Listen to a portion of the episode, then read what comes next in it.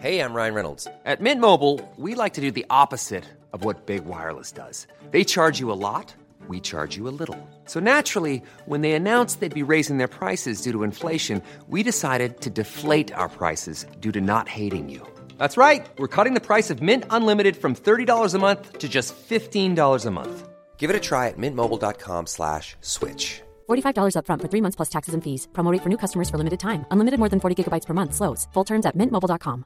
Introducing Wondersuite from Bluehost.com.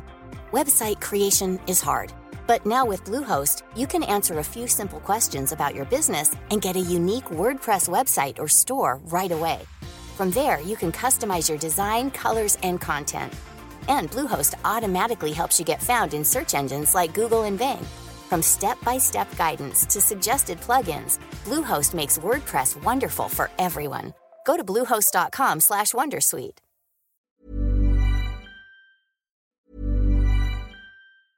Introducing Wondersuite from Bluehost.com.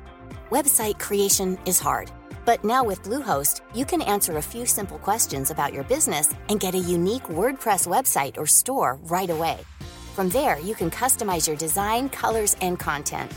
And Bluehost automatically helps you get found in search engines like Google and Bing. From step-by-step guidance to suggested plugins, Bluehost makes WordPress wonderful for everyone. Go to bluehost.com/wondersuite.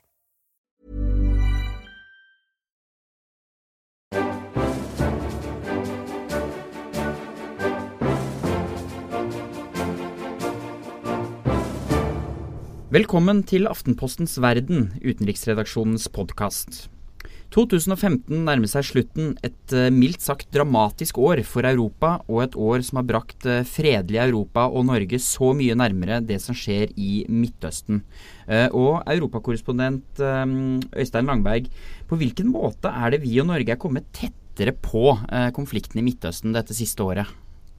Nei, jeg tror du har rett når du sier at uh, dette kanskje var året da, da, Midtøsten for alvor kom til Europa. Og Syriakrigen ble noe alle gikk rundt og snakket om, både her i Brussel og hjemme i Norge. Uh, og kanskje det aller beste eksempelet på det uh, er et bilde jeg tok på grensa mellom Slovenia og Østerrike i november. Det var en sånn kald høstkveld. Det lå et sånn tjukt lag med røyk fra alle flyktningenes bål over hele plassen. Eh, og Det sto tusenvis borte ved gjerdet til Østerrike og ropte og skrek og prøvde å komme seg inn. og Noen klatret over, og barn hylgråt. Og Midt oppi dette kaoset så ser jeg en fyr som sitter med en brun fotballdress med Ås bryggeri på ryggen. Eh, og For meg som er fra Drammen, så vet vi at det kun kan være en, en Mjøndalen-drakt. Den er ganske spesiell. Eh, og Jeg går bort til mannen, prøver å få kontakt, men han kan bare arabisk, dessverre. Um, han, men vennene hans får forklart meg at han har fått drakten på veien, antageligvis av noen nordmenn på Lesbos da de, da de, reiste over fra Tyrkia denne vanlige veien. Så denne mannen har altså flyktet fra Tyrkia, kommet til de greske øyene, fått en drakt fra noen nordmenn som noen andre nordmenn har sendt ned. Han møter en norsk avis i Slovenia, og hvem vet, kanskje han til slutt har endt opp i Skandinavia. Ja, Vi har jo skrevet om eh, krigen i Syria nå helt siden 2011. Men det er først nå den siste tida at det på en måte har gått fra å være en fjern konflikt langt borte, til å være noe som har fått eh, relevans selv i små lokalmiljøer her eh, hjemme i Norge, som, har, som nå må ta imot flyktninger fra, fra Syria i, i asylmottak. Um, og Midtøsten-korrespondent Silje Rønning Kampesæter, uh, hva var det som skjedde som utløste denne flyktningstrømmen? Veldig mange av de flyktningene har oppholdt seg i naboland i en god stund.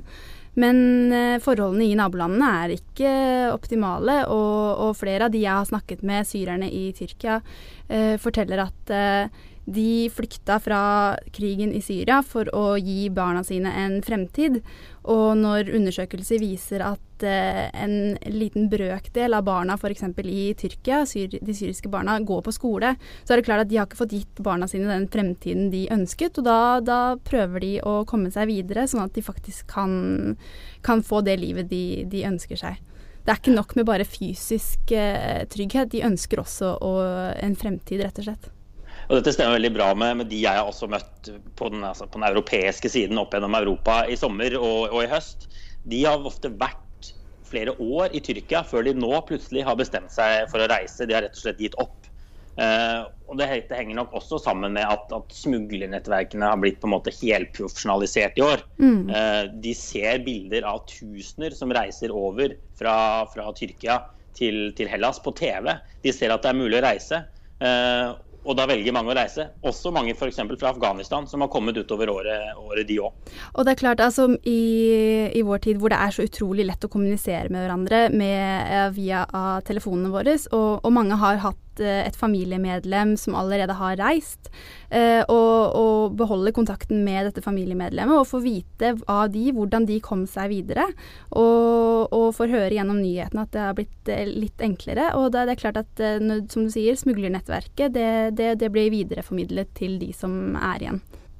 Hvordan har EU håndtert denne flyktningkrisen, Øystein? Altså, det er jo ingenting som tyder på at dette var noe EU var veldig godt forberedt på. Eh, det har kommet som et sjokk på EU. og det er jo du ser jo nå f.eks. Schengen er jo i ferd med å, å bryte helt sammen. Eh, og det har jo, Landene har jo løpt på en måte, fra ansvaret, i hvert fall eh, mange land i øst da, har løpt fra ansvaret gjennom sommeren. De har bygd opp gjerder rundt landene sine eh, gradvis. Eh, det har vært veldig lite koordinert eh, svar på denne krisen. Ehm, men det kan nok hende at den bedrer seg nå. nå. Nå, har man fått flere store forslag, forslag, på bordet. Og man får kanskje en liten pause i vinter til å prate sammen og komme opp med bedre løsninger. Og Et nøkkelland for å, for å få bukt med dette problemet, Silje, det er Tyrkia. Hvordan har eh, samarbeidet mellom EU og Tyrkia utvikla seg i løpet av 2015? Ja, Det har jo uh, sett et uh, markant maktskifte. Altså, Tyrkia har jo vært et land som har ønska å bli medlem i EU i veldig lang tid. Uh, og forhandlingene starta i 2005. og Tyrkia, Dette har vært noe som har vært i Tyrkias interesse, men ettersom at Tyrkia har blitt en, en større makt et, ja, altså fått større makt, så, så, er det klart at det, det har skifta. Og nå er det EU som eh, på en måte ønsker å lokke Tyrkia med goder for, å, for at Tyrkia skulle, skal stoppe flyktningstrømmen for dem. Så forholdet er litt, blitt snudd litt på hodet. Nå er det plutselig EU som er avhengig av Tyrkia, og ikke Tyrkia som er avhengig av EU? Ja, det ser man med den avtalen nå. At, eh, at Tyrkia har kunnet stille en del krav som, eh, som, de kanskje ikke kunne ha stilt tidligere. Det er, altså Flyktningkortet som Tyrkia sitter på er et veldig viktig kort for EU. Uh, og det bruker Tyrkia for alt det er verdt. Og det, de får nå 3,2 milliarder euro, som er nesten 27 milliarder kroner. Og de får um, De skal jobbe opp mot en visumfri reise for tyrkiske borgere i Europa. Og de skal også um, jobbe videre for å få fortgang i uh, Tyrkias EU-medlemskap. Men det er klart at Tyrkia kunne hatt en litt sånn tilbakelent rolle, fordi det EU-medlemskapet er ikke like viktig for Tyrkia lenger, nå som de er blitt sterkere. Men det spørs da nå med Russland på banen og det kalde forholdet dem imellom, om det kanskje kommer til å endre seg litt igjen på nyåret. Ja, Det er vel ingen tvil om at det Tyrkia har oppnådd i løpet av få måneder nå, ville vært helt utenkelig for dem å oppnå for et år siden. Eh, så De har jo helt andre kort på, på, hånda med flyktningkrisen. Og Det er vel riktig å si at Tyrkia har stått et stykke ned på EUs prioriteringsliste de siste årene, med, med eurokrisen og alt det andre som har skjedd. Og Nå får man kanskje svi litt for det. Uh, og Det er selvfølgelig kommer til å bli mye diskusjon om menneskerettigheter og den demokratiske utviklingen i Tyrkia fremover, også her i Brussel. Men akkurat nå så ser det ut som lederne rett og slett bare holder seg for nesa og gir penger til Tyrkia og håper det skal eh, løse situasjonen. Mm, og det er klart at det er jo sånn, det er noe de har fått mye kritikk for. Øh, og for å på en måte ignorere de forholdene som er i Tyrkia. For mens EU nå inngår den avtalen, så viser alle rapporter og, og at både pressefrihet, informasjonsfrihet og menneskerettighetene går motsatt vei. Nå når EU eh, e prøver å dra Tyrkia nærmere eh, for å få hjelp med flyktningkrisen, så ser vi egentlig det motsatte. At Tyrkia eh, glir sakte, men sikkert nærmere Midtøsten. Hvordan har eh, flyktningstrømmen utviklet seg nå de siste månedene, Øystein? Vi må vel kunne si at det fortsatt er en stor strøm. og Sammenlignet med i fjor for eksempel, så er det jo helt andre tall. Men den har gått litt ned eh, i desember. Som man egentlig burde kunne forvente når det været blir kaldere eh, og, og, bølgene større. Eh, men det er nok veldig vanskelig å si om det er noe som kommer til å måte, fortsette til neste år. Om, om, dette gjør at strømmen faktisk blir mindre i 2016. det er det per nå veldig få som tør å, å si noen klare prediksjoner på. I hvert fall de, de jeg prater med rundt omkring. Uh, man vet jo at, at, de møter jo et annet Europa nå, uh, de som kommer i 2016, enn de som kom i 2015. Europa er mye mindre åpent, det har blitt bygd gjerder. Veldig mange land, Sverige, nå etter hvert Tyskland, har jo strammet kraftig inn på politikken sin.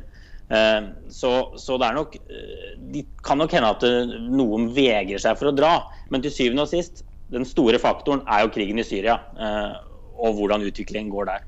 Ja, for Én ting er jo håndteringen, en annen ting er på en måte den bakenforliggende årsaken. Er det noen grunn til optimisme på Syrias vegne i 2016, Silje? Åh, man har jo lyst til å si ja, men eh, sånn som det ser ut akkurat nå, så uh, Det er en utrolig splitta opposisjon. Det positive er at Putin sa eh, i, under sin pressekonferanse at uh, de faktisk er enige med amerikanerne om hvordan de skal uh, operere i Syria. Og det er ved å, å, finne ut hvilke grupper som ikke skal bombes. Og det er klart at det er jo positivt. Men, uh, men når man ser på det nettverket av, som den opposisjonen i Syria utgjør, så er det klart at det er ikke noe lett å finne ut hvem man kan støtte, hvem man ikke kan støtte. Og det er utrolig mange blanda interesser i Syria. Um, så jeg har lyst til å si ja, det blir bedre, men uh, antageligvis så, så, skal man også fortsatt huske på at det er faktisk Assad som dreper flest i Syria, og han har blitt styrka uh, i det, de siste tiden. Og, og, Noe annet som tyder på at, uh, at, Europa har kommet tettere på Midtøsten, det er at vi har hatt en rekke terrorangrep i Europa i år som enten har vært inspirert av den såkalte islamske staten i Irak og Syria, eller direkte planlagt av den eller tidligere fremmedkrigere. Eh, Øystein, du bor i Brussel. Du har vært mye i Paris i høst. Eh, hvordan har denne terroren påvirket hverdagen i de byene? Nei, altså Jeg blir jo sendt til Brussel fordi det skjer mye her. Men det er jo vanligvis møter med menn i dress og slips, og ikke denne hendelsesnyhetene av den typen vi har hatt i høst. Eh, det har preget hverdagen i Brussel og Paris i stor grad. I Brussel egentlig gjennom hele året har det, vært, har det vært mer militær tilstedeværelse. Men det toppet seg jo eh, nå i høst etter terroren i Paris, da det var full lockdown i byen her. Eh, det var militære på alle gatehjørner. Butikker var stengt, det var ikke noen konserter. Og fortsatt, når jeg går på metro nå, så er det, er det væpnede soldater som, som, står og passer på. Um, så det har vært en veldig spesiell høst i Brussel, og selvfølgelig også i Paris. Mm. Vi, vi, har jo snakket mye om, uh, om Charlie Hebdo som skjedde, skjedde tidlig, tidlig, i år. Uh, og da selvfølgelig også terrorangrep i Paris uh, nå for ikke så veldig lenge siden. Men det har også vært en rekke andre hendelser som har vist at volden i Midtøsten nærmer seg Europa. og Blant annet et eksempel som du kom tett på, Øystein? Ja, det har vært flere mislykkede terrorangrep både i Paris og flere andre steder i Europa gjennom året som har vært. Og jeg kom som sagt veldig tett på en av dem. Jeg var egentlig på vei på ferie. Dette var ja, midt i august. Det var min første togtur med hurtigtoget til, til, til Paris fra Brussel. Da hadde plutselig gikk en alarm, eh, og toget gikk saktere og saktere. Og, og, og med ett så så vi det lå noen eh, passasjerer og antageligvis eh, noen av de som jobbet på toget, ute i grøfta ved siden av toget. De hadde hoppet ut av toget mens vi kjørte veldig sakte. Og på høyttalerne noen minutter etterpå så spør konduktøren etter betjeningen i den andre togsettet. Han spør hvor er dere? Og han får ingen svar. Um, og så begynner toget å kjøre litt fortere igjen. Og jeg lurer jo selvfølgelig veldig på hva som har skjedd, og prøver å finne på noen naturlige forklaringer på hvorfor noen skulle hoppe av. Men det er jo ikke så veldig lett. Uh, og så går jeg på Twitter, søker på Talis, og da dukker det opp uh, bilder uh, av blodige mennesker på toget. og da var jeg ikke så høy i hatten. Jeg viste det ikke frem til medpassasjerene mine, men jeg, jeg, tenkte nå kan det skje noe fælt her hvert sekund, egentlig. Hva var det egentlig som skjedde da? Nei, vi, vi, kjørte videre, eh, og etter jeg tror det må ha vært 20 minutters tid, så kom vi inn på en, en stasjon. Eh, og ble, Det sto politi over hele perrongen, og vi ble bedt om å bare legge oss ned på gulvet. Og, og de stormet toget. Dette var terrorpoliti. Eh, og Da pågrep de da eh, en, mann av marokkansk opprinnelse som da bodde i Molenbeek, denne bydelen i Brussel. Eh, som hadde sekken full av ammunisjon og, og, flere våpen på seg. Og som hadde ganske onde intensjoner, for å si det mildt. Ja, ja det angrepet du, du, beskrev nå, Øystein, det var jo um, det som skjedde på hurtigtoget Talis, der det var bl.a. noen amerikanske soldater som, um, som hindret dette i å få, et, i å få enda større konsekvenser. Ja, det var jo til slutt uh, heldigvis ingen som døde. Det var noen som, som, ble hardt skadet. Men vi var jo fryktelig shaky rett og slett etter dette her. Vi, vi satt inne i en gymsal, jeg snakket med alle passasjerene. Det var, uh, det var en utrolig rar dag. Og, og, fortsatt når jeg tar dette toget, som jeg gjør, gjør ofte, eh, også f.eks. Til, til terroren i Paris noen måneder etterpå, så er det vanskelig ikke tenke på, tenke på disse veldig rare, rare minuttene på toget. Eh, vi liker å være tett på nyhetene, men så tett, det, det er litt i overkant. Eh, Silje, du også um, flytta i høst til Istanbul, uh, Tyrkia. Også et land som ikke er fremmed med terror.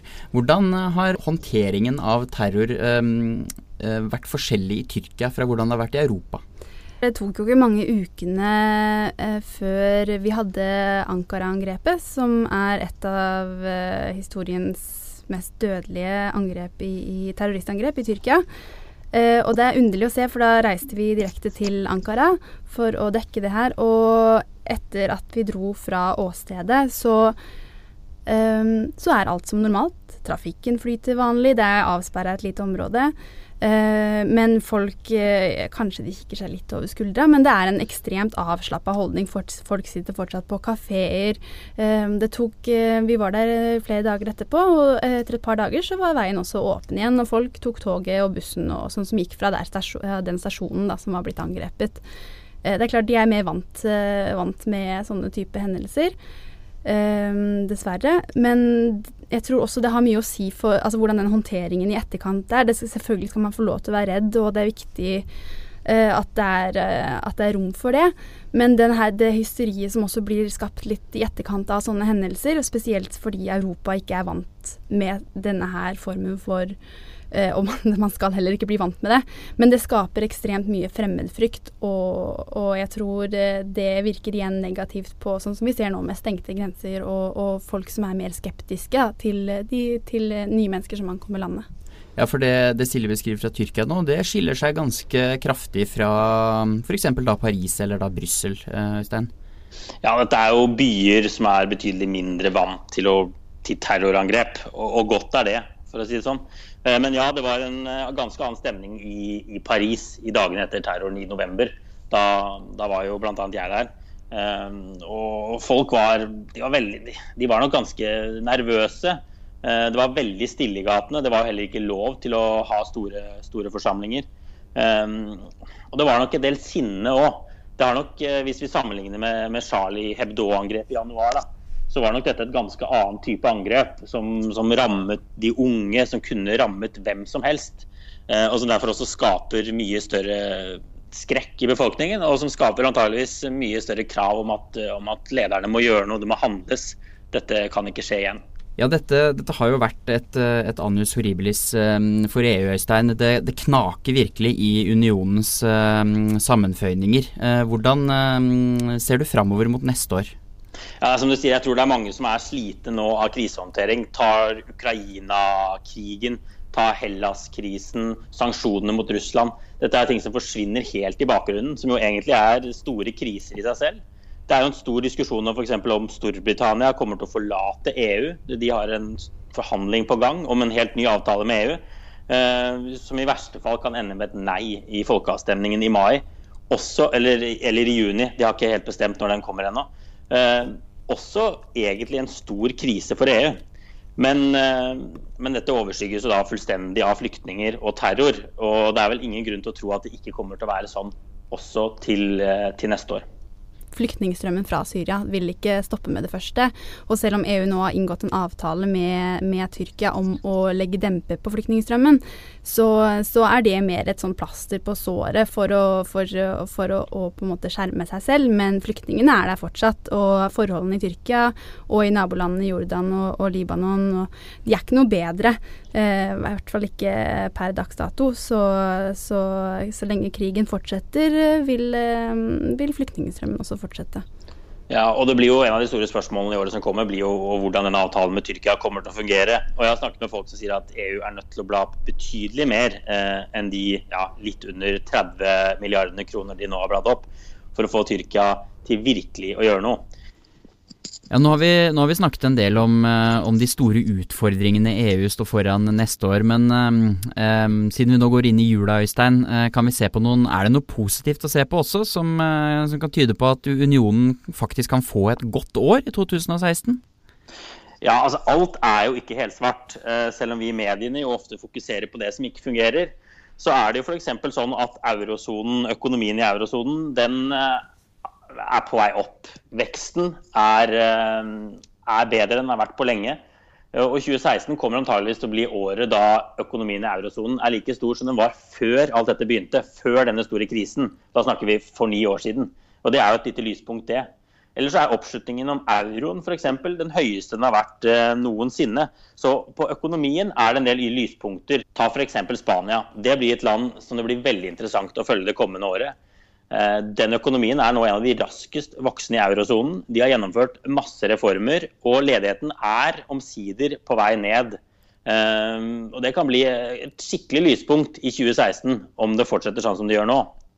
Og med det så er det vel eh, kanskje litt bedre å gå inn i juleuka enn alt det andre vonde vi eh, snakket om tidligere i podkasten. Eh, mitt navn er Tarjei Kramviken. Takk skal du ha, europakorrespondent Øystein Langberg, og også tusen takk til Midtøstens-korrespondent eh, Silje Rønning Kampesæter.